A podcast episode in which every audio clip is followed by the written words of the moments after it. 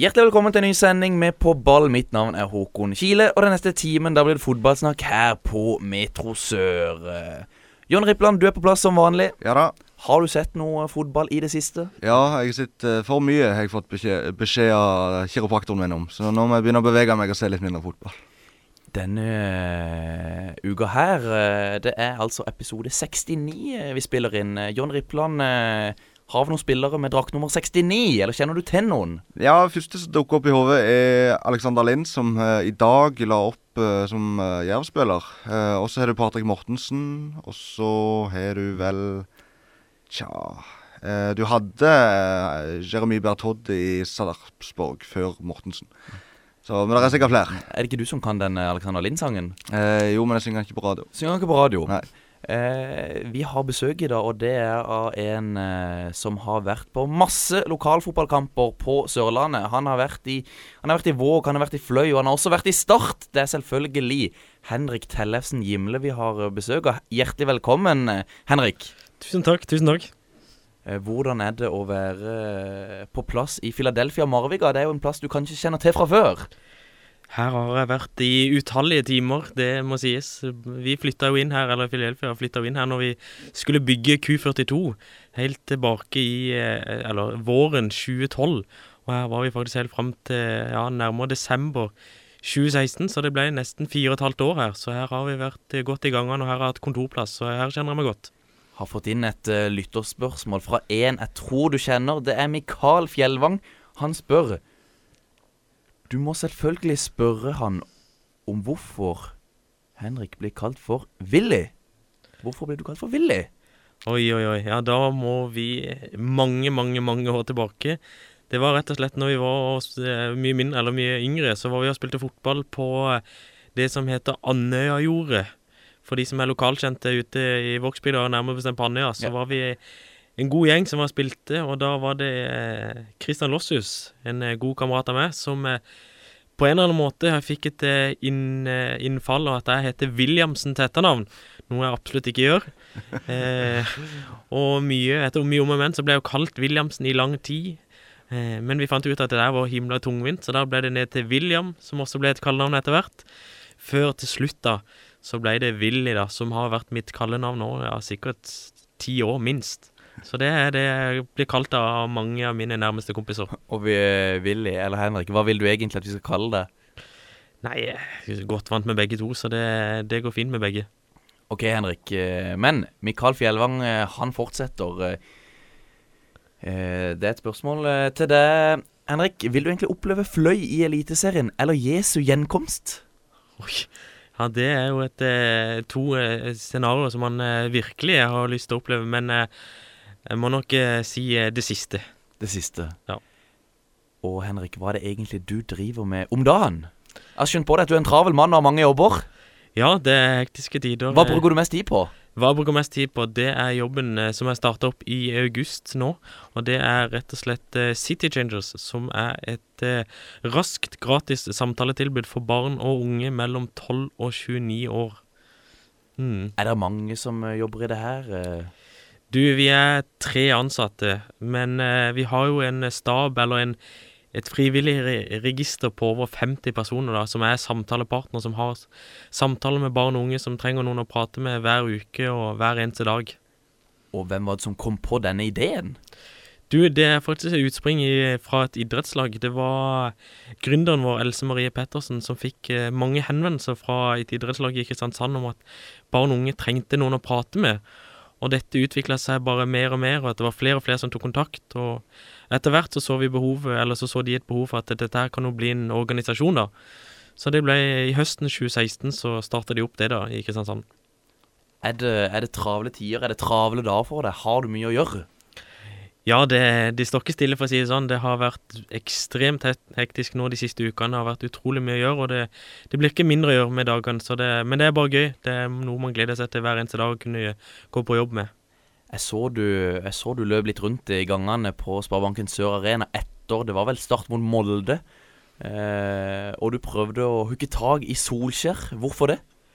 Nei, altså vi, vi, Som sagt, vi har et eh, pilotprosjekt med dette arbeidet i, i, i Kristiansand nå. Men eh, har, eh, det som vi er så privilegert, er at når vi forteller dette arbeidet om, eh, om dette arbeidet til mange mennesker, så er det mange som blir begeistra. Og vi har nå tenkt løpet av neste året starte opp nasjonalt da, med dette arbeidet. Så da må vi ha gode ambassadører. og vi tenkte jo i City Agenda at hvem er vel bedre å få inn en som ambassadør enn Ole Gunnar Solskjær? Og når jeg fikk presentert arbeidet for han, så var det noe han eh, ikke nølte sekund på å stille opp og Han var på der fra første sekund og ga en veldig god hilsen og ville gjerne være ambassadør for oss. Utrolig gøy, da. Så jeg har vel fått noen ambassadører her lokalt òg? Det har vi. Vi har fått eh, Pål Rake, som er en eh, meget kjent artist.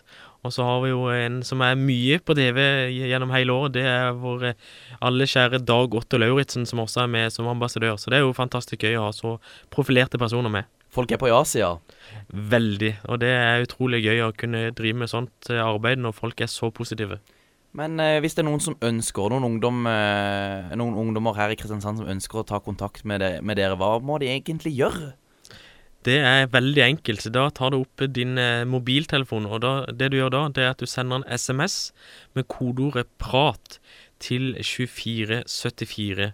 Og da blir du eh, kontakta av en av våre samtalepartnere som tar kontakt med deg, og så avtaler dere hvordan den ungdommen eller den personen selv ønsker å snakke med noen av våre frivillige. Og jeg ser det blir jo lagt merke til det her, for det var vel i, var det 2017 jeg syns jeg leste at dere var kom langt i denne her konkurransen om å være en øh, Hva er det det Hva heter den konkurransen? Sør, årets sørlandsbedrift? Ja, vi var med en uh, konkurranse iallfall fra Los, der vi var en av sørlandsbedriftene, og der kom vi vel på en uh, tredjeplass, hvis ikke jeg husker helt feil. Det var før min tid, men jeg mener å huske at det var tredjeplass. Det er jo Det er jo ikke til å kimse av, det. Nei, vi er som sagt utrolig privilegerte når vi får lov til å holde på. Og vi ser at det er utrolig mye goodwill rundt om i hele Kristiansand, og egentlig Sørlandet, for dette her. Og jeg skjønner at det kan, det kan, gå med en del tid til det, men du sa til meg før sending at du hadde en del jobber. og jeg, Hva annet er det på en måte du, du har, tid, har tida igjen til? Nei, jeg prøver jo å være flink til å sortere en eh, fornuftig det viktigste for meg utenom jobb, det er jo at jeg har en kjæreste som jeg prøver å få sett så mye som mulig, og så har jeg en familie også som jeg må være en del sammen med. Men eh, jeg har jo som sagt eh, mange jobber. Det går mye mennesker. Jeg jobber jo blant annet i to jobber her i Philadelphia som går på det med mennesker. Et med rusmisbrukere som er i behandling, og et tilbud som går på det med vanskeligstilte ungdommer. Der vi reiser på tur en helg i måneden. Vi reiser faktisk her fra Marvika i morgen, der vi skal være på tur en helg fra fredag til søndag. Hvilken, hvilken hedersmann, John?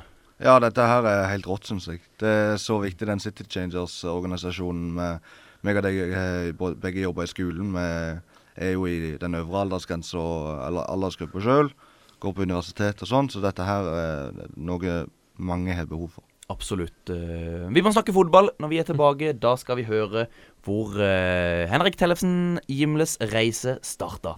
FK Våg i våre hjerter. FK Våg i vårt blod. Ingen banker oss på Karus. Nei, bare kom og se. Ukens gjest er altså Henrik Tellefsen Gimle. Og, og, Henrik, eh, du nevnte innledningsvis her at du var fra, fra Vågsbygda. Og starta du å spille fotball også i Våg? Det stemmer. Der starta jeg når jeg begynte i første klasse på barneskolen. Så der spilte jeg helt fram til jeg var 16. Eh, da gikk veien videre til Flekkerøya. Så der spilte, spilte jeg fram til jeg var ja, no, et par og tjue, og så har det vært det dabba litt av, da. For da spilte jeg et par sesonger på Fløy 2 etter tre år på juniorlaget der. Hvem er, hvem er den beste spilleren du har spilt med? Oi, oi, oi. Det har vært eh, ekstremt mange gode, talentfulle spillere opp igjennom, både i Våg og, og, og Fløy. Men eh, den som fikk kanskje mest ut sitt potensial, som jeg spilte sammen med, det var nok eh, kanskje Diego Baria når jeg var i Fløy. Et ekstremt talent når han var på juniorlaget der og ble flytta rett fra guttelaget til juniorlaget til Fløy 2 til A-laget Fløy på bare null komma niks, føltes som. Så det var et, en utrolig god spiller på den tida der. Jeg husker eh, jeg gikk jo på skole med han på Hellemyra. Ikke sant? Så jeg husker han drev og herja på i skolegården der, så eh, jeg kjøper den, Henrik. Jeg gjør det. Posisjon spilte du da? Du, det var for det meste jeg, I de yngre dagene, når vi begynte på elva, så var det venstre kant. Og så med årene så, man, så fikk jeg noen problemer med at jeg fikk kneskåler ut av leddet to ganger på relativt kort tid. Så eh, den opptreninga, den eh, tok jo veldig lang tid, så etterpå det så ble jo ikke fart min sterkeste side lenger. Ikke at det var noe sånn veldig fart i meg før, men da ble jeg flytta et hakk lenger bak, og det ble i venstre bekk, da. Så det er det jeg har spilt de siste, eller spilte de siste årene, da. Men så meldte du deg raskt over på trenersida, og var det, var det fløy trenerkarrieren starta? Ja, det var det faktisk. Det var faktisk når jeg spilte på juniorlaget, så var jeg med daværende juniortrener Ivar Sigurdsen og hjalp litt til han da. Og så etter hvert så fikk jeg faktisk et tilbud også når jeg var der i Fløy, om jeg hadde lyst til å ta ansvar for et gutt gutter 16-lag, og da var det faktisk årskullet 1996 eh, som jeg hadde ansvar for, og det begynner å bli Ja, det er vel nesten fem-seks år siden det. Så det, det, er noen år siden. Fått inn et uh, lytterspørsmål til det, Henrik. Det er fra Magnus Hallandvig.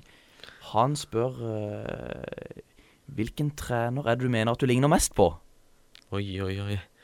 Ja, Hallandvik er jo trener selv, men jeg kan, ikke, jeg kan, ikke, si at jeg ligner mest på han. da. Vi har jo mange likhetstrekk i både personlighet og på den måten, men trenermessig Nei, eh, ja, hvem er det jeg liker å sammenligne meg med? Altså, jeg har liksom ikke hatt noen sånn veldig store idoler som trenere, egentlig. Jeg liker, har som sagt fulgt mye med på lokalfotball, jeg har liksom ikke sett så mye i den store verden, men eh, jeg husker når jeg fikk lov til å være i Start, så var jeg veldig takknemlig både for å se trenermåtene både til Bård Borgersen og når Steinar Pedersen var der. Og for, ja, for Henrik, eh, hvordan endte du egentlig i Start?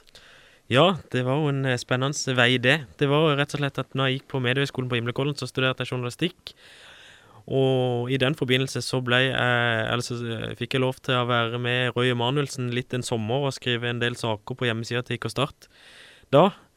Og da var det noen som fikk eh, fang, eller sett meg at jeg gikk rundt i korridorene i gangene der og holdt på med et eller annet. Og da var det Bård Borgersen som kom bort til meg faktisk eh, en sommerdag og spurte om jeg kunne tenke meg å være med litt rundt eh, Start 2, da.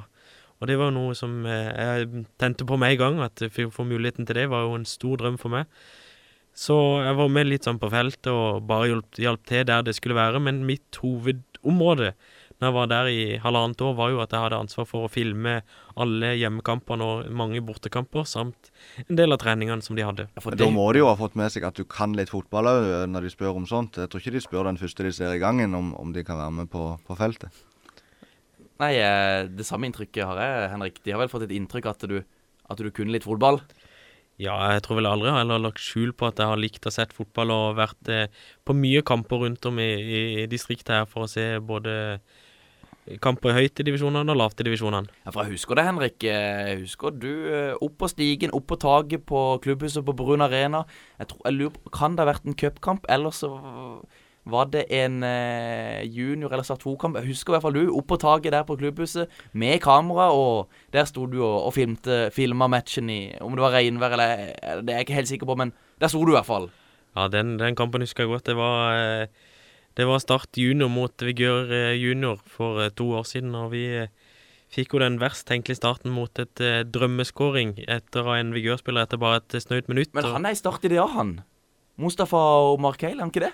Det var ikke Mustafa. Var det ikke det? Det var Ardin, som, Ardin? Var, som kom fra start til Vigør. Det var sånn det var? Som skårte der, da. Så det var jo et drømmemål, Ardin. Så det var veldig bra.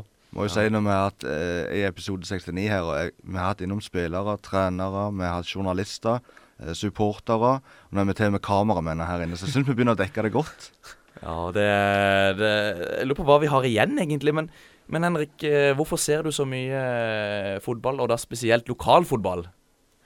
Nei, hva er egentlig grunnen til det? Det er jo kanskje en av mine måter på å koble av litt sånn en hektisk hverdag. Eh, det er jo bra å bruke tid med venner og sånt, men det er en litt sosial ting istedenfor å Det er en ting jeg syns er gøy å gjøre sosialt, da. Det er å gå og se lokalkamper. Man kjenner mange som er både på kamp og som spiller, og da får man litt sånn tilhørighet til de og som man kjenner som spiller, og så vet man jo selv at det er jo alltid gøy når folk spiller, at man, det er folk som kommer og ser på, da.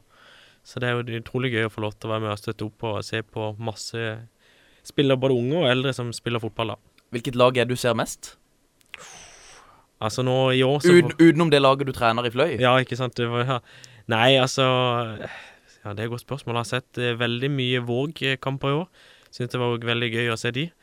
Og så har jeg sett en del Vigør. Jeg har sett mye, eller ikke mye, jeg har sett en del Don. Jeg har sett en del Start 2. Jeg har sett ja Jeg har sett egentlig ganske mye. Randesund har sett litt, og litt av hvert. Hvilken breddestadion er best å komme til? Hvor er det koseligst?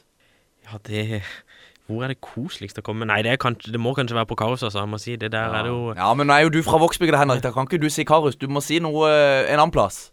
Mener du at jeg er inhabil i den, eh, i den, eh, vurderinga der? Absolutt. Han vil bare ha deg til å si Brun Arena. Det er derfor. Brun Arena, ja, men det, er- det, er- det er god kaffe der, og det er gode vafler, og det er godt eh, selskap der ofte. Så Brun Arena er ingen dum arena å komme til. Vi må videre og snakke litt om fjerdedivisjon avdeling 11. Ja, det går litt er 2-0 til MK! MK står på, MK går Og MK de rykker opp til tredjedivisjon. Ja, der må de være. Har de noe å gjøre der? Ja, definitivt. De har noe å gjøre i andredivisjon òg på sikt. Og hvor mange, hvor mange blir det her i dag, tror du?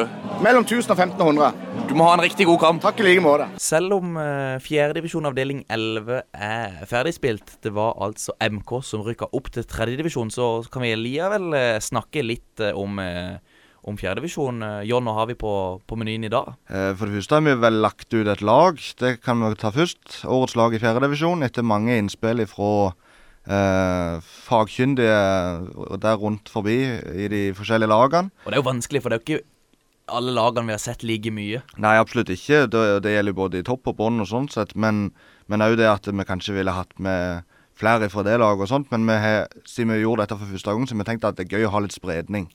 Eh, så vi har vel eh, Ja, Det er vel andre gang vi har ja. Vi gjorde det vel i fjor òg, Ja. ja. Så vi har gjort det før, og, Ja. og da òg var vi opptatt av litt spredning eh, er kjekt. Og det, det tror jeg folk syntes var gøy i fjor. Men, eh, men dette ser ut som et sterkt lag, i hvert fall. Jeg tror de hadde rykka opp, jeg. Ja, det, det er jeg ganske sikker på. Ja. Ja, eh, avdelinga er over. Nå var det altså Jeg vet ikke om vi sa det sist, men det ble altså Tveit som slo følge med Farsund og Skal vi se, var det Tveit, Farsund og Hvem var det siste laget som rykka opp, tro? Uh, ja, si det. Det var vel fra den uh, avdeling 1. Ja, det var jo Hisøy. Hisøy, ja. Hisøy, ja. De ble jo også kretsmestere i femtedivisjon. Ja, det, og det sa vi vel sist at det er nytt bekjentskap, og derfor var det litt vanskelig å komme på de nå. Uh, ellers er det jo dette med trenersituasjonen rundt forbi. Vi har jo nevnt at, at eh, Søgne har fått seg ny trener, og Lyngdal har fått seg ny trener. Eh, Hvem er det Lyngdal har fått tak i? Lyngdal har fått tak i tidligere landslagsspilleren Jan Ove Pedersen. Det har vi faktisk ikke sagt Nei, jeg på tror ikke det. Nei, og han er jo, så vidt meg bekjent, østlending. Har spilt i Østerrike og Brann og Lillestrøm. Eh, Flyttet tilbake til Norge nå ifra Østerrike, sånn som jeg har forstått det. Høres ut som en kjempemann. Ja, absolutt. eh, Og fått eh, litt sånn kulthelt-type, så vidt jeg har lest eh, på Twitter og andre plasser. Men, men hvordan han ender opp i Lyngdal nå, det har jeg ikke anelse om.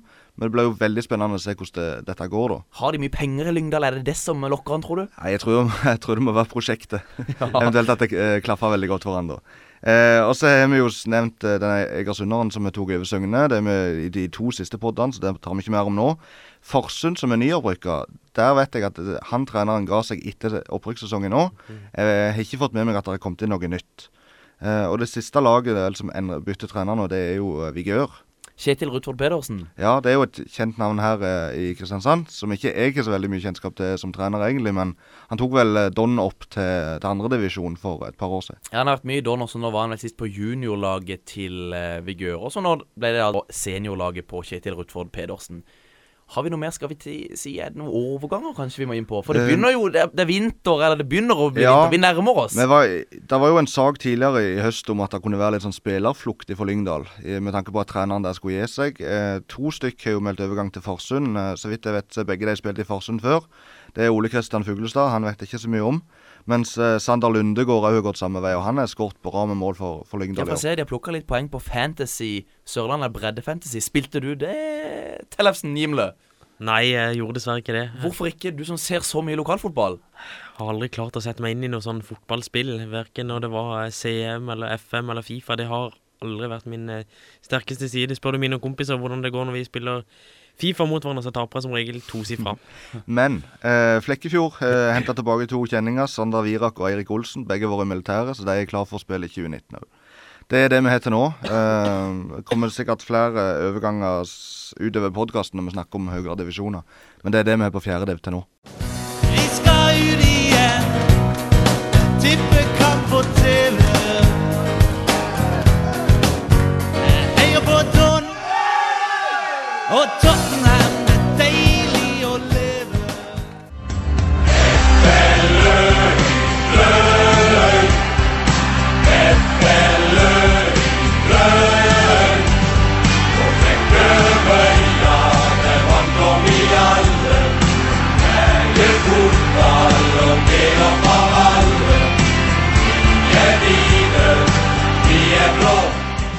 Ukens gjest det er altså Henrik Tellefsen Gimle. Og, og Henrik, jeg tenkte, nå snakka vi jo nettopp litt om fjerdedivisjon avdeling 11. Så tenker jeg vi må, vi må opp i taket og snakke litt om tredjedivisjon. Har du noe kjennskap til MK Don? Eh, Stad 2 vet vi du har bra kjennskap til. Vindbjart. Hva er det første du tenker på når du hører tredjedivisjon? Det er vel først og fremst at eh, Fløy ikke holder, hører hjemme der etter de rykka ned. Så det er jo veldig trist at de måtte, måtte ta den tunge veien ned dit, da. Så det er det første jeg tenker på. Ellers Ja, blir, det, blir, det, blir det spillerflukt fra Fløy nå? Nei, jeg tror eh, Selv om de har mange ettårskontrakter i Fløy på de spillerne som er der, så tror jeg de som er der og jobber rundt klubben, er ganske flinke til å være tidlig ute med å prøve å signere de spillerne som var med i år. At de blir med til neste år igjen. Og Fordelen er jo at det er mye lokalt òg. Ja, veldig mye. Ja, men får, det ikke, får ikke de Fløy-spillerne mye tilbud fra, fra andre lag som kanskje er villig til å satse, for eksempel, eh, for eksempel ja, lenger høyere, høyere oppe, Jerv eller Arendal? Jo, nå fikk jo Det var vel tre spillere fra Fløy som har vært med og trent med Jerv nå den siste uka, eller de siste ukene, så det er jo klart at eh, Men det er jo litt sånn som når sesongen går mot eh, avslutning, og, og mange har lyst til å teste ut disse spillerne på, på trening hos hverandre, så det, det, det er mye spekulasjoner og mye folk som prøver. Har du noen navn da på spillere som er trent med Fløy? Nei, med Jerv? Nå var det jo Nå var jo Vikne, Torje Vikne var der borte, John Olav Norheim har vært der borte, og så Henrik Andersen. Og Torje har jeg hørt at de har gjort det ganske bra òg, og jeg syns det er positivt at Jerv er såpass tidlig ute. Tester de, eh, viser at de vet hvem det er, og, og eventuelt eh, henter de som de vurderer som gode nok. Så, men det er flere eh, sterke lag i den uh, avdelinga der. eh, Håpte du at eh, Våg skulle rykke opp, f.eks.? Eh, nei, eller jo, altså det har vært veldig gøy å ha et Våg der, men eh, jeg tror nok altså MK har bedre forutsetninger med både nå økonomi og spillere, altså tilgang på spillere rundt forbi og, og alt mulig, så jeg tror det var greit nok at det var MK som strakte langs det strå, strå da. Ja, MK med f- 1500 tilskuere på en fjerdedivisjonskamp. Ja, det er helt fantastisk. Og muligheten for å satse litt nå i tredje. Der er, kommer kanskje inn litt spillere der òg. Henrik, tenker du at det, dette er noen spillere MK bør hente? F.eks. fra Fløy eller fra, fra andre klubber? Ja, absolutt. Jeg tror MK har eh, absolutt ambisjoner om å finne gode spillere lokalt rundt forbi her. Og er det, og er det de lokker de med? Er det bi, sånn bilavtaler de lokker de med? Kjøregodtgjørelse. Ja, jeg tror, jeg tror altså, altså Fotball handler mye om penger nå. Jeg tror at det er mange penger Eller mange personer som har penger tilgjengelig nå, så jeg tror at eh, at det vil sikkert være noen gode avtaler både i MK og, og, og, og Fløy, i hvert fall, eh, nå i tredje Ja, men vet du om noen spillere som har vært og sett på forholdene i idrettsparken og MK? Ja, jeg vet at, i hvert fall at det er én Fløy-spiller som har vært eh, der borte, og så vet jeg at eh, MK så har vært og lukta på et par til. Og ikke si noe navn.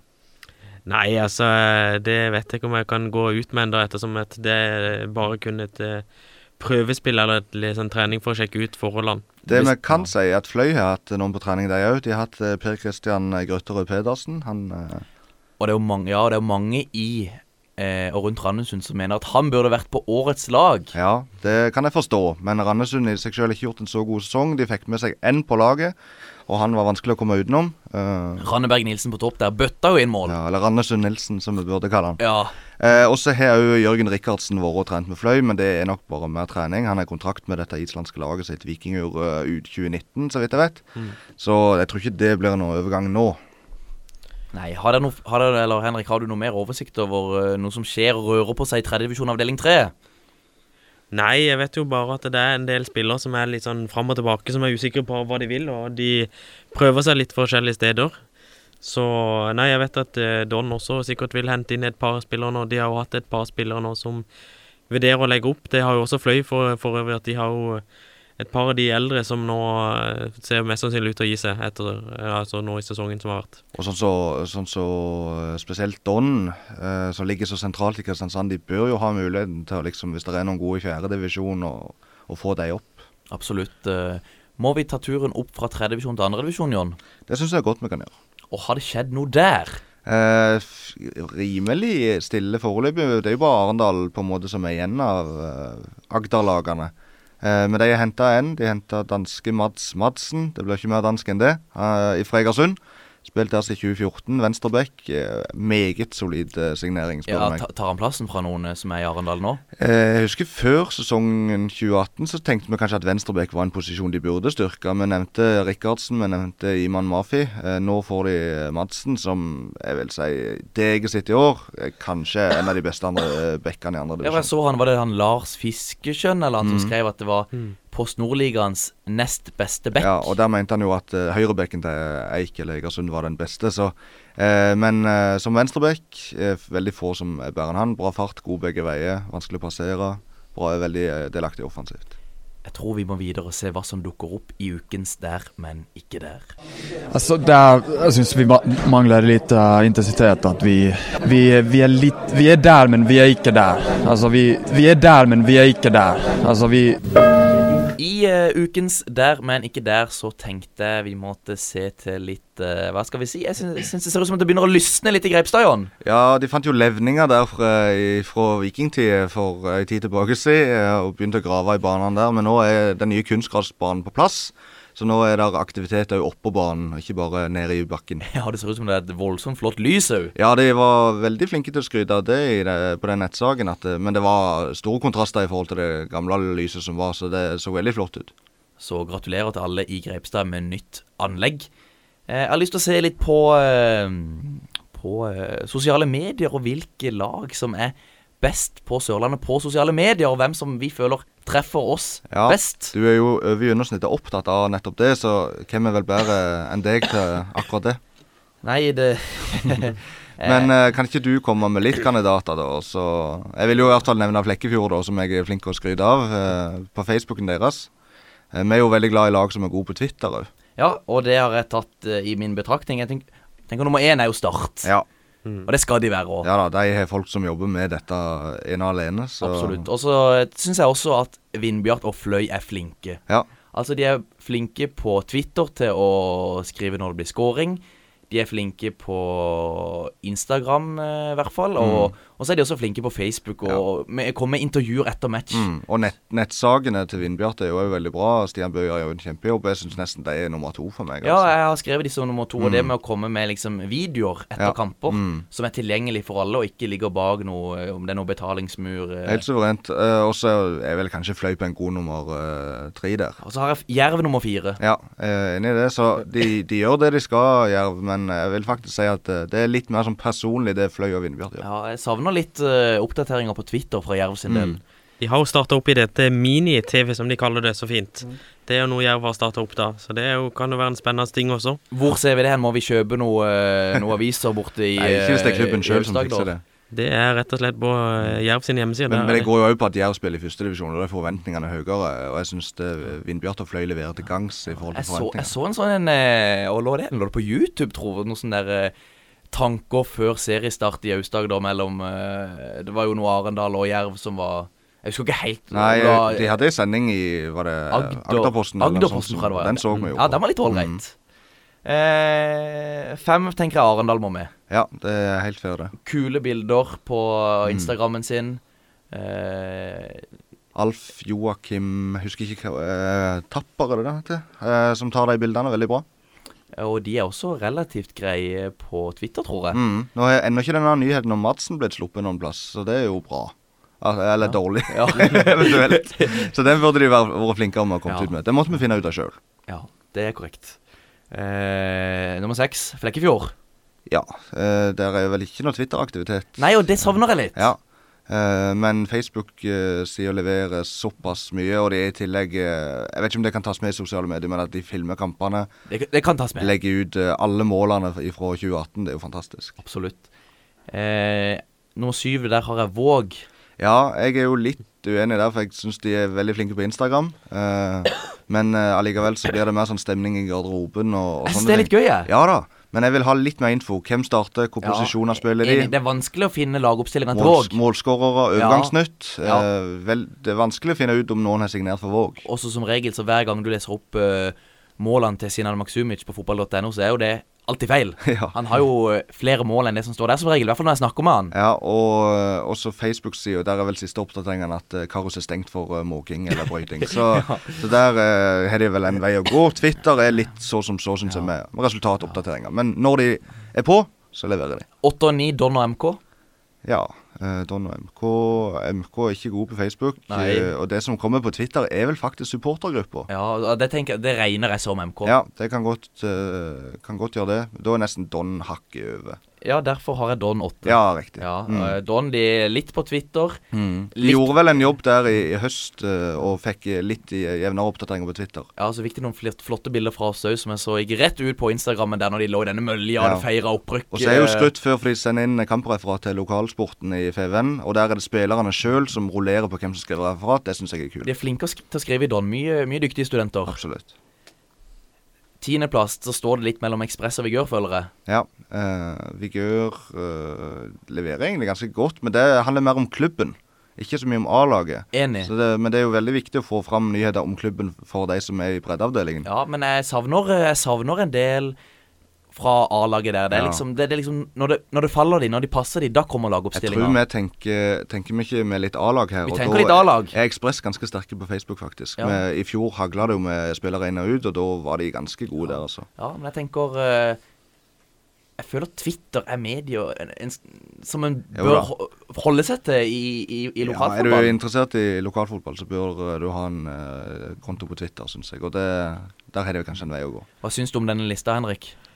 Eh, nei, altså, jeg er, jo, jeg er jo kanskje litt gammeldags, så, Twitter har ikke, men jeg er ofte inne på Twitter og bare kikker, så jeg får med meg mye der. Så, men jeg syns det var en veldig bra liste, men jeg Er du uenig i noe? Sterkt uenig i noe? sterkt uenig. Det Det, det, er ikke Eller det eneste, hvis jeg kan si én ting, og det er jo den tiendeplassen. da. Der må jeg trekke fram en eh, god historie, og det er rett og slett fra Ekspress. John nevnte jo det at de er gode på Facebook, og det må jeg si, det er all honnør til eh, Ekspress. Jeg var i eh, Gdansk i helga, kom hjem der for et par dager siden. Og da var det takket være Ekspress som la ut en, eh, et, eh, et bilde at de hadde vært på en gedansk gdansk kamp med fullsatt stadion. Så da var det fort gjort når jeg kom ned der for å sjekke om de spilte, og det gjorde de sannelig. Så da fikk jeg en eh, kamerat og sjekke om det var noen ledige billetter, og det var det. Så da var det bare å ta med pappa på kamp. Og det må jeg si, det er jo en av de største opplevelsene jeg har vært på. Altså, det må jeg si. Ja. Så det er nesten så Ekspress skulle vært høyere oppe på den lista, hadde det vært opp til det. Hadde det vært opp til meg, så hadde Ekspress eh, gått mange plasser opp de mø de møter folk der de er. Ja, det gjør de. Så det, nei, det var en stor Det må jeg bare si. Det var en Det har vært mange gode opplevelser på lokalfotballen eh, i år, men eh, det å komme på en eh, sånn stadion som det var i Polen der, med Gdansk som leder i den hjemlige serien med den fans, nei, det var Ja, det var en, kanskje et av de største høydepunktene fotballmessig Ja, sikkert nok pyro og tifo og sånt der. Ja, det kan du trygt si. Ellers er jo Lyngdal er jo sterke på Facebook, men det er Ja. kanskje litt begrensa. De bør ha, ha et ord med i laget her på topp ti-lista. Og hvis en skal lese noen nyhetssaker om uh, Lyngdal i noen aviser, så må han alltid betale det Lyngdal-avis, og det Ja, er det ikke men det er ikke, det er ikke klubben sin feil. Nei, men, nei, nei, det er sant. Så derfor Ja. føler jeg han får litt lite informasjon Mm. eh, om og fra Lyngdal. Må vi videre til ei liste du har funnet i Aust-Agder, Jon? Ja, for det at Dagbladet har jo tatt på seg det ekstremt vanskelige oppdraget å kåre de 50 beste spillerne, fotballspillerne i hvert eneste fylke. Spillere som ennå er aktive. Har de 50 spillere i Aust-Agder? Jeg tror ikke de hadde tenkt at oi, vi må faktisk lage ei liste fra Aust-Agder òg, når de gikk på dette prosjektet. For jeg tror ikke det er noe problem å finne i Finnmark og i Nordland og i Buskerud og Oppland. Men i Aust-Agder, altså. Der Ja. Eh, Jeg vet ikke om jeg skal gå løs på de som liksom ligger øverst, Men, kan, eller kan du ikke si det du sa, for du la denne lista fram til en medstudent på Øya, og hva Det- sa han når han så den lista? Jeg la den lista fram til en som jeg satt på sida i klasserommet, som er Arsenal-fan, som er Start-fan, som spiller på Randesund 2. Mer sier jeg ikke. Eh, jeg vil si han er veldig interessert i fotball. Eh, og så skulle jeg bare sjekke hvor langt ned på lista må jeg før han ikke har hørt no noen. Så sier jeg nummer én Yldren Ibrahimai. Hæ?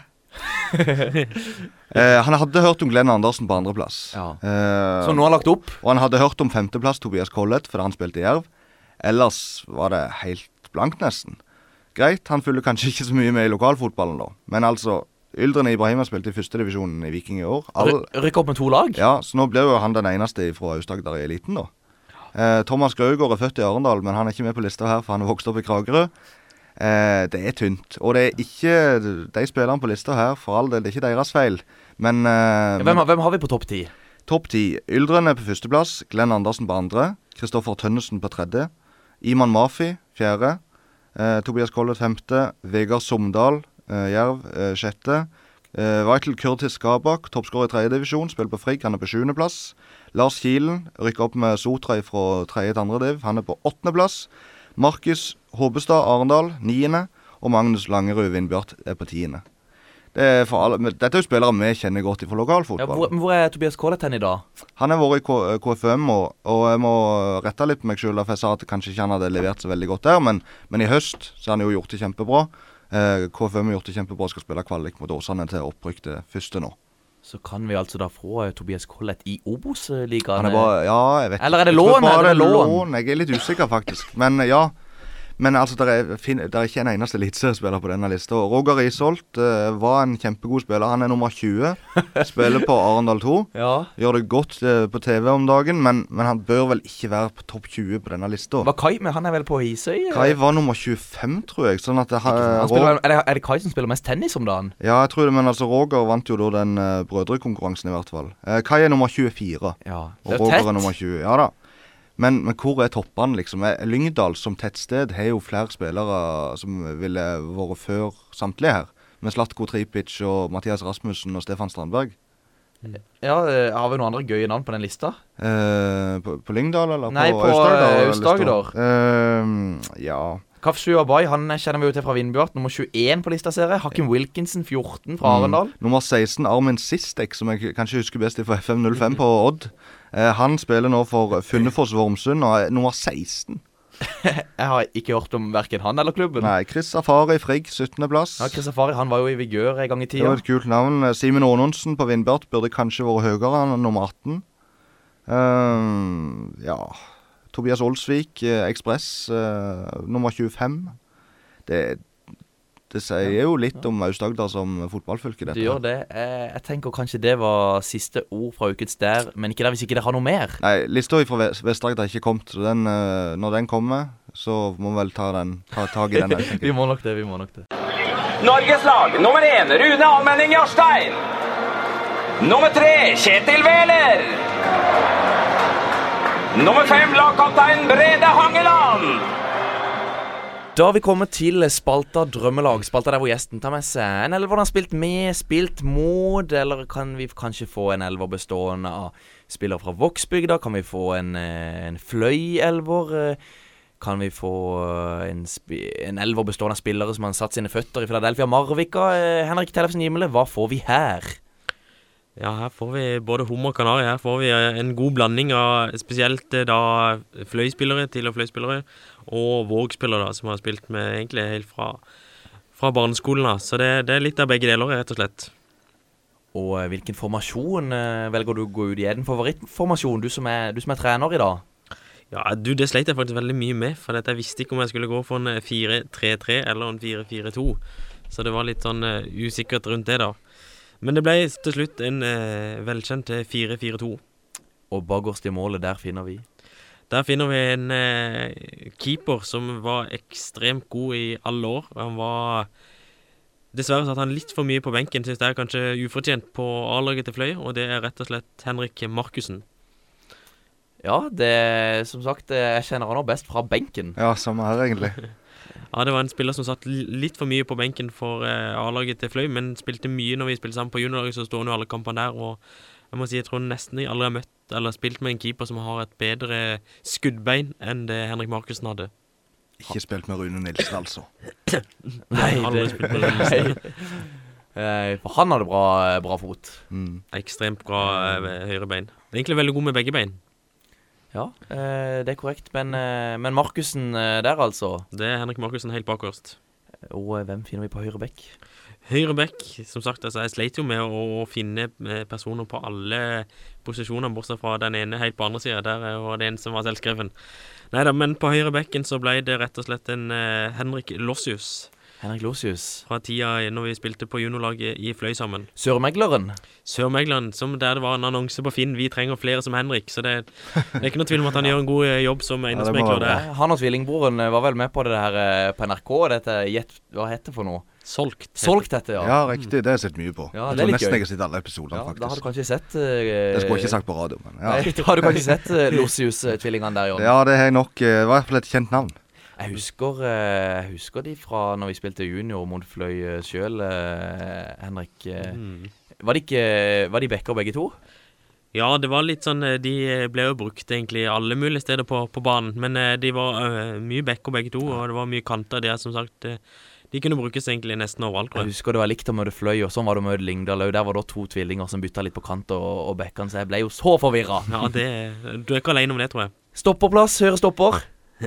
Høyre stopper, det er en eh, veldig god venn av meg den dag i dag, og det er rett og slett Kristian Christian Dahl, som nå studerer til å bli politi oppe i Bodø. Han Ja. spilte du med i Våg, eller? Han spilte med i Våg, ja.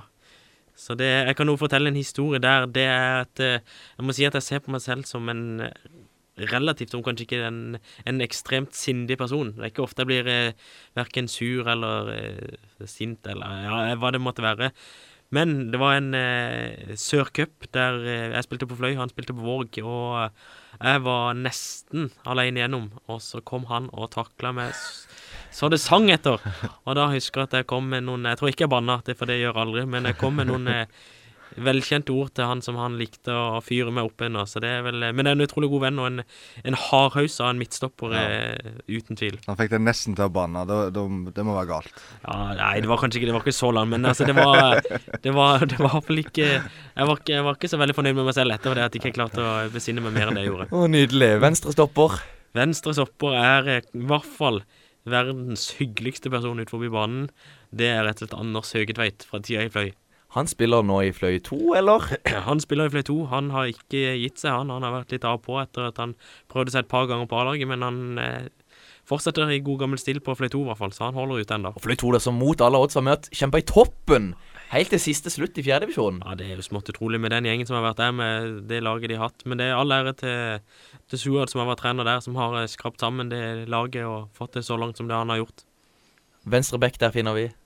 Nei, det var det lag, eller den posisjonen som jeg var mest sikker på. Der har jeg skrevet undertegnede. Undertegnede. Ja, det- Henrik Tellefsen Gimle på venstre back. Og er du en type Er du Robertsen? Er du en uh, Vikstøl. Vikstøl? Ja, altså Vikstøl er jo en, eh, både en god venn og et eh, godt forbilde på mange områder, så jeg må jo si at jeg, hvis jeg kan sammenligne meg med han, så vil jeg si at uh, da, da er jeg godt fornøyd. Men, Men så, ikke like aggressiv.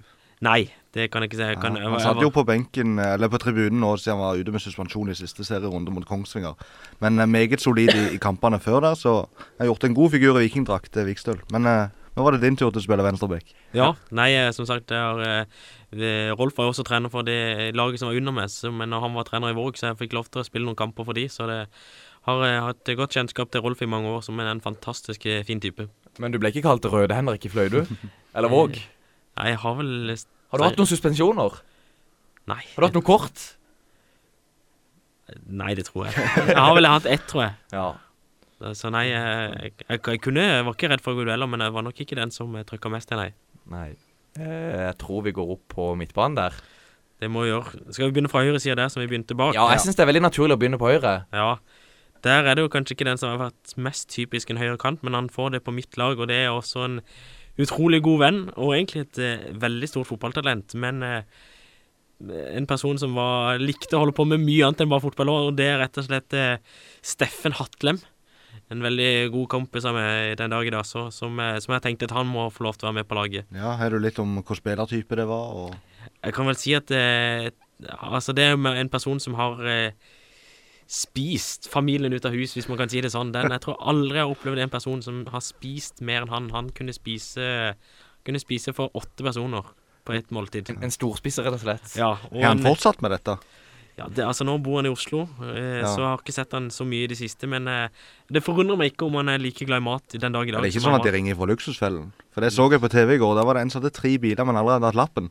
Det er helt utrolig, altså. Men eh, nok om det. Ja, høyre, høyre sentral eh, Høyre sentral, der Det eh, var 4-4-2 du sa? Ja, det var 4-4-2. Der kan jeg vel si at det er kapteinen på laget. hærføreren. Og det er eh, med all ære til han, og det er rett og slett et av de største talentene, tror jeg, iallfall så lenge jeg, spilte i Vårgå, og så lenge jeg kan huske, det er Andreas Engedal. Som jeg fikk lov til å være, å få også når han gifta seg i fjor sommer. Fantastisk fint. Så han er høyre midtbane sentral, da. Han har slått i ei finale i ei krigstunnel krig, krigturnering i regi av Ansgarskolen. Der sto han og Hilde Gunn Olsen, som også har vært gjest i studio her. Og Alain Delgado, som du også kanskje kjenner til, Henrik. Absolutt, absolutt. Ja, Der sto de på an, uh, andre banehalvdel, men, uh, men de ble slått. Det er jo ikke noe tvil om at Håkon Chila har vært en god fotballspiller i, i sine unge dager, han òg. Og jo en god, ja. sportsdirektør òg, som samler de rette typene, tror jeg. Ja, det, det, Du sier noe der, Jon, men hvem skårte selvmålet i den finalen, eh, Henrik? Jo, det var Andreas Engedal som skårte selvmål. Hildegunn hun var ute av målet. Du, jeg husker faktisk, eller jeg har hørt den historien her, så det, det Jeg hadde jeg sa til Andreas han må få lov til å få se den her, eller høre denne podkasten, så da, vi tror ikke vi skal rype for mye oppi dette, Ja, men vi, eh, vi stilte et sterkt lag, vi òg, med Vi hadde blant annet Kristoffer Syvertsen og Lars Jørgen Salvesen og Kristian Bratland og Håkon Ekberg ja, og, og Fredrik Viljo. et meget sterkt lag fra, fra den tida også, vil jeg si. Ja, det, det, det hadde blitt en del, Eller det var en god gjeng, det. Men vi må videre til venstre sentrale. Ja, det er også en person som er, både god venn med, jeg var god venn med utenfor banen og på banen, og det er rett og slett Tor Helge Thorsen. Tor Helge Thorsen, ja. En eh, fantastisk person og en eh, fantastisk fotballspiller. Styrkene til Tor Helge. Litt, eh, litt så litt eh, lik type som Andreas Engedal, egentlig. To eh, arbeidsjern ut en annen verden som eh, både jobber knallhardt både offensivt og defensivt, men kanskje begge har nok sine sterk, sterkeste sider defensivt. da. Jobber utrolig hardt og kriger, og ikke noen personer som er redde å gå i dueller. Det tror vi, jeg, vi tror kjenner jeg på jo med det etternavnet, ja. Ja, vi kjenner jo til, til broren eh, Lars Christian Thorsen. Ja, det er også en kriger ut av en annen verden, så det er ikke noe tvil om at det ligger litt i genene. Og Ole Fredrik, som også er på A-laget nå, er jo en som liker å trykke til i duellene. Venstre midt, hvem finner vi der? På venstre midt, en som ikke har spilt så mye venstre midt, han spilte nok eh, ved siden av meg i våre yngre dager i Våg i midtbane, men det er rett og slett eh, Jon Vegard Stakkeland. Ukjent navn for meg. Ukjent. Ja, det er en, eh, også en veldig, veldig god kamerat av meg, som eh, var også var et ekstremt eh, godt, eller stort talent, vil jeg si, når han spilte i Våg. Men eh, satsa ikke så mye på fotballen i det senere. Det ble vel mot videregående, så var det andre ting som var interessert i han. Sånn er det med mange, Henrik. Skal vi opp på spissplassene? Ja da, det, nå ser jeg at det er veldig mange våg, nei, fløyspillere jeg har valgt, og det er to på topp òg. Så vi kan begynne fra, fra høyre side, og der er det jo, som jeg har nevnt tidligere, det er jo Diego Barria, da, som jeg, jeg følte ikke jeg kunne være foruten han, med, med de ferdighetene og, og alt det han hadde med seg i den perioden der når jeg fikk lov til å spille med han. Men hvorfor slutta plutselig han? Jeg følte han bare plutselig forsvant. Ja, hva skjedde der? Jeg tror det, det var andre ting som lokka han òg. At uh, han eh, begynte jo eh, på byggfag på, på Tangen og fikk seg jobb, og litt andre interesser på han nå, tror jeg. Og hvem er det egentlig han skal spille på topp sammen med? Du, det er, Han har en bror som allerede er på banen, og det er rett og slett Kristian Losshus. Så Kristian Losshus får lov til å spille spiss hos på mitt lag. Eh, akkurat som broren sin, en fantastisk eh, personlighet, men også eh, en fantastisk god fotballspiller. Fikk jo lov til å til og med prøve seg litt i, i starten, en liten periode. Ja, dette laget blir solgt hos meg, Jon. Absolutt. eh, Men det er veldig mange som her som har liksom vært talenter, men som har gitt seg. Det skulle nesten eh, ønske at City Changers hadde hatt en liten filial som kunne ringt til, til store talenter, så fikk de til å for, fortsette å spille fotball. Ja, Det skal du ikke se bort ifra at vi kan starte en sånn grein også etter hvert. Ja. Har dere noen eh, eller Har du en trener som skulle fått orden på den gjengen? Du, har Eller det høres ut som en veldig ordentlig gjeng, da. Ja, jeg tror ikke det hadde vært mye kluss her på dette her laget hvis vi skulle reist på noen på turneringer. Det må jeg si. Men jeg har hatt utrolig mange gode trenere opp igjennom. Jeg, jeg kan jo trekke fram to. Så hvis jeg kunne hatt eh, både en hovedtrener og en assistenttrener, så ville jeg hatt eh, eh, Ivar Sigurdsen som hovedtrener, for han var jo trener for eh, juniorlaget i tre år når jeg var der. Og så eh, Kenneth Engedal, eh, sjefen i Sparekillingsbanken, som assistenttrener. Han var også eh, trener for meg når jeg spilte i Våg da. Så det er fantastiske personligheter og trenere. Og kaptein, han spiller sentralt på midten, sa du. Ja, og han er eh, sønn av assistenttrener, så det blir Andreas Engedal. Og hvem, eh, hvem hadde blitt eh, botsjef her? Oh, botsjef, rett og slett. Nei, det tror jeg Nei, det er ikke noe tvil. Det må være til Kristian Lossius Han, eh, han liker å eh, kreve inn penger. Vi hadde jo botsystem i en periode, så han, eh, han, eh, han, eh, han har kontroll på penger, han. Og da blir det botur til Blir det Havglimt, blir det Haraldvigen, blir det Hedmarkstoppen? Hvor blir det? Nå er det jo mye, mye eh, kristne folk. Altså, altså Hadde vi tatt en eh, uke på U-festivalen på Hedmarkstoppen, det tror jeg ingen hadde sagt nei til. Og der hadde det blitt salig stemning, tror jeg. Det hadde blitt eh, Altså, vi hadde dratt fra den ene kristne leiren til den andre i løpet av hele sommeren. Det hadde ikke vært mye fotballspilling. Det hadde vært, eh, det hadde vært mye, mye Ja, mye Jeg tror vi må, jeg tror vi må videre.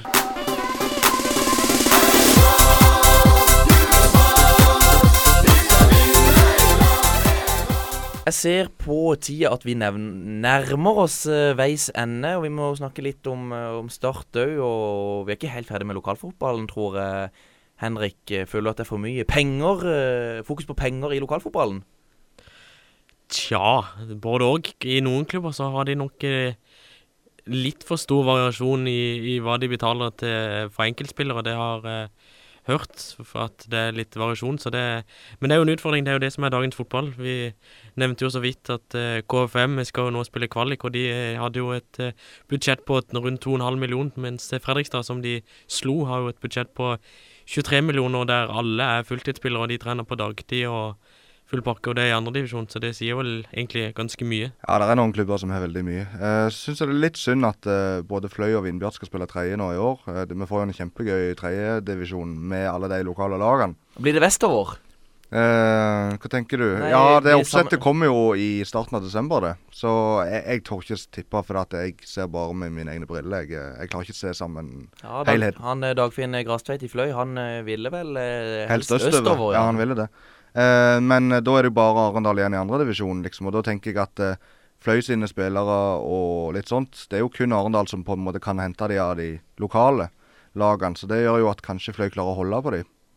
Det, jo, det var vel tre mann som var ferdig i Arendal nå, var det ikke det? Jo, jeg så en artikkel i dag tidlig at det sto bl.a. at Wilhelm Pepa var ferdig, og Peter Rankovic, som kanskje skal inn i trenerteamet, Tobias Hennanger og en eh, sistemann som ikke helt husker Nei, og Ja. Rankovic ble kåret til årets spiller av supporterne. Men det er klart han er- blir ikke yngre. Pepa er jeg sikker på har flere år igjen på fotballbanen hvis han ønsker det. Eh, så Hvor, hvor spiller han til neste år? jeg ser jo for meg kanskje at eh, MK kommer på banen der eh, tidligere klubb og alt. Eh, så er det om han er villig til å reise så langt, da. Men, men det er jo nok alternativ i tredjedivisjon, f.eks. Ja, men tenk tenker Pepa, han bor jo i Kristiansand, så det er jo om det er han spiller i, i MK eller Arendal, det er jo cirka det samme. Ja. Nærmere til Mandal, faktisk. Jo, for så vidt. Men litt mer kronglete vei. Mm, han må jo komme seg der til. Han må jo det. Han har jo spilt der før, så det er jo ikke noe tvil om at han kjenner til klubben. Og, og det er jo sikkert noe som smigrer nå, at uh, han har lyst til å være med og gjøre den uh, Være med og løfte den klubben opp igjen. Mm. Så at, jeg skal ikke se bort ifra at han uh, kanskje tar turen dit. Og så er jeg jo litt spent på hvor mange som forsvinner fra Fløy, og hvor mange som blir. Vi nevnte det jo litt tidligere, men, men det er jo en del gode spillere der. F.eks. Jon Olav Norheim, eh, som har trent med Jerv, riktignok. Eh, jeg tror nok han òg kan være interessert i å spille i et lag lokalt. Om det er Arendal eller om det er Jerv, eh, det vet jeg ikke. Hva han tenker der. Fløy eh, Han er jo veldig glad i. Fløy òg. Ja. Eh, kommer Fløy til å hente noen spillere, Henrik? Ja, det er jo som sagt det store spørsmålet. Det, det er jo som sagt det er jo mye spillere nå rundt forbi og trener med litt forskjellige lag, så Ja, vi, vi nevnte jo tidligere de, at de hadde et par spillere som var trente med de nå. Og det er jo et sterkt andre lag. Det er en del unggutter der som kanskje burde få sjansen nå i tredje divisjon, syns jeg. Jeg syns de, de har ikke akkurat sluppet til for mange unggutter. Nei, du så det juniorlaget de hadde i år, gjorde en kjempesterk prestasjon. Kom jo på andreplass i, i serien der, så det er jo mange spillere der. Og han trener for juniorlaget, Marius Johansen, har gjort en fantastisk jobb med det laget der. Så det er jo ikke noe tvil om at det, det er mye potensial i Fløy, i hvert fall, med, fra de yngre også, som He- kan komme opp. Henta jo André Rikstad fra Våg i sommer, og han forventer jeg å se i tredje divisjon Mm. eh, den kommende sesongen. Ja, det er jo mange som sier at han eh, absolutt er en av de bedre spillerne i fjerdedivisjon, eller som Kom til og med med på årets lag. Ja. Men en spiller som, som, som John jeg husker jeg nevnte litt så vidt eh, i forrige podkast, tror jeg det var, det er jo eh, rett og slett Stian Ingebretsen som bøtta jo inn Ja. mål for, for Don.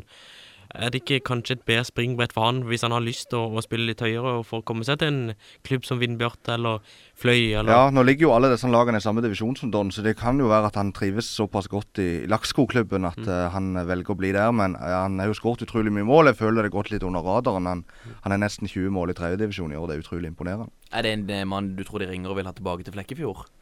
Ja, men da er det jo ned en divisjon, eh, så jeg tror nok eh, han blir eh, i hvert fall i tredje.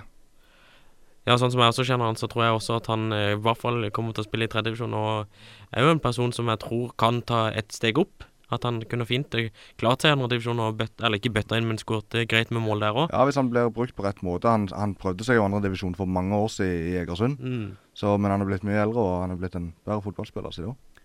Henrik, ser du mye fotball nå som det ikke er så mye lokalfotball som ruller om dagen?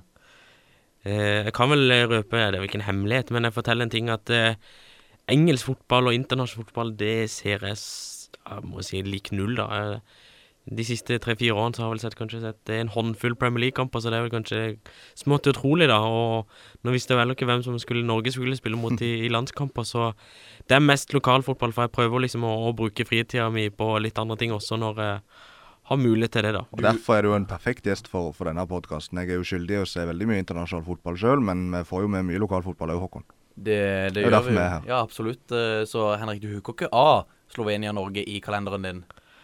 Nei, det kan jeg være helt trygg på. Da prioriterer jeg veldig mange andre ting foran det. Så nå skal vi først ra raskt gjennom ei uh, Nations League-helg og tidlig neste uke. Men så kommer det jo en viktig kamp for Start mot Haugesund. Borte. Har de sjans, Henrik?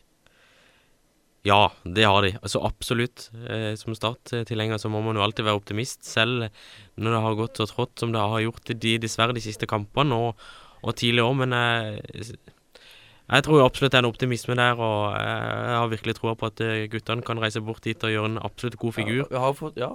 Nå sponser de jo eh, supporterbuss til Haugesund Mm. Start, så det er jo kjempebra tiltak for å få litt stemning. Det har jo vært bra med folk på de forrige bortekampene i det siste, mot Sandefjord bl.a. Og mot Rosenborg i cupsemien. Eh, men jeg tror ikke kampen avgjøres på tribunen. Har jo for øvrig fått inn et spørsmål fra eh, Metro Sørs eh, kommentator. Mats Westgård han spør hvor stor Start-supporter er egentlig Henrik? Ja, det er et veldig godt spørsmål. Eh, jo, jeg vil si at jeg er ganske så stor statssupporter. Det er, jeg prøver i år har vel Ja, hvis ikke jeg har vært på jobb eller andre ting som har eh, kollidert, så har jeg jo sett så å si alle kampene. Det er vel ikke noe, noe annet som har kommet foran det hvis det er startkamp ja, av, uviktige ting. Så absolutt en, eh, en trofast supporter. Er du blitt mer, mindre eller ca. likt etter Start en drøm satt i gang? Å, nå spør du godt. Altså, jeg, jeg er jo veldig fan at eh, Start en drøm, eh, iallfall visjonen de sin, at de skal inspirere barn og unge på Sørlandet til å oppnå sine drømmer. Så, så absolutt. Men det er jo det, det vi har snakka en del om, litt om vært innom det pengebruken, da. Mm. Hva det fører med seg, fører det bare gode med seg. Vi ser jo litt nå at eh, Vi trodde jo kanskje at eh, med så mye penger at man skulle se et litt annet startlag i årets sesong. Men, men, men med Kristoffer i spissen, som, som er, virker som en fantastisk person, og resten av gjengen som er med i det styret der, så, så har jeg absolutt tro på at Start eh, kan spille Eliteserien i 2019. Hvis de bare holder seg, ja. Ja, Hvis de bare holder seg Jeg tipper det sånn som det ser ut nå, kanskje at de ender på kvalik. Hvor, de får, uh, hvor de skal bryne seg på Ålesund. Ja. Mm. Er det første som slår meg. Er dere enige? ja. Jeg trenger ikke sånn tippe et eventuelt kvalikresultat. Det får vi ta hvis den tid kommer. Men det er kjempetøft å spille mot Haugesund. Heldigvis har de på papiret ingenting å spille for. De vil ikke rykke opp en plass, de vil ikke rykke ned noen plass. Det er en fordel, samme hvordan du snur og vender på det, tenker jeg. For at det er to uker til fra nest siste til siste serierunde. Da tar du litt mental ferie, håper jeg. Ja. Men Haugesund er vanskelig borte, altså. Absolutt. eh, Ja. Jeg har jo noen tall her bare på det, så jeg sjekka litt på det i stad. Det er jo alltid interessant, det. Og det er jo faktisk at eh, Haugesund har faktisk vunnet ni hjemmekamper og, og, og i år og tapt kun tre. Ja. Men Start, da, det er jo eh, det er jo en liten barriere, det. da De har faktisk vunnet to kamper på bortebane i år. Det er jo mye bedre, eller to flere enn det var hele Mm. forrige gang de var i Eliteserien. Så det, og tapt ni, da. Men som sagt, altså vi skal ikke bare se på tallene her. Vi skal jo se på spillet de har hatt i de siste kampene, og ja. Så det blir spennende. Oh, nå sto det litt stille. Nå hadde jeg et spørsmål på tunga her, men eh, Ja, jo. Damien Lowe, må han stå over, tror dere? Det var noe skriverier og noe albuer og noe Den, det må vel eventuelt tas opp, og så gjøres en vurdering på det. Den albuen. Jeg har faktisk ikke sett situasjonen om igjen, jeg. Så jeg vet ikke. Henrik, har du sett noe? Eller hørt noe? Eh, jeg har jo bare hørt det som har stått i avisen. Eh, men altså, det Nå var det jo litt av samme Eller det var ikke samme situasjon, men jeg så den eh, albuen til han eh, Koli i Haugesund. Jeg syntes jo den var ganske så mye verre enn det Lowe sin. Men altså, jeg syns likevel at ingen av de to hører hjemme på en fotballbane. Så, men det gjenstår jo å se det. Det er jo ikke vi som skal ta avgjørelsen, men eh, hvis han får en straff, så, så er det jo den han må ta. og Det kan være fortjent, det, altså. Ja, den der situasjonen til Coly den var jo så stygg at den kunne vi ikke vise på TV her i Philadelphia. Så det at det, Det er, noe i det, det er noe i det du sier der, uh, Rippland. Jeg ser på tida. Vi, eh, vi, vi er ved veis ende, John. Hva har vi egentlig snakka om i dag? ja, I dag har vi vært på en rundreise i lokalfotballen. Vi- Det siste er på overgangsfronten, og vi har sjekka hvordan klubbene er på sosiale medier. Vi har kåra årets lag i fjerde div. Selv om vi ikke snakker så mye om det, så ligger det på Twitter. Og vi har òg vært gjennom de beste 50 fotballspillerne i Aust-Agder. Henrik Tellefsen eh, Gimle i en travel hverdag. Takk for at du hadde tid til å komme innom studio. Jeg vet jeg kjente, kjente trakter. Ja, det var eh, godt å komme tilbake til Philadelphia Marvika. Det var godt. Men det var ekstremt hyggelig å få lov til å komme med denne gjengen her. Det var en uh, stor glede. Så håper vi ikke at du ble for uh, varm og svett. For scenen. nå er det oppimot 26 grader her vi sitter i studio. Takk for at du som lytter hørte på. Minner om at vi er på Twitter. Der heter vi På ball RS. Vi er også finne i Soundcloud og i iTunes. Der heter vi På ball. Vi snakkes og høres. Prøver seg. Espen Ruud! Ah, ¡Gol!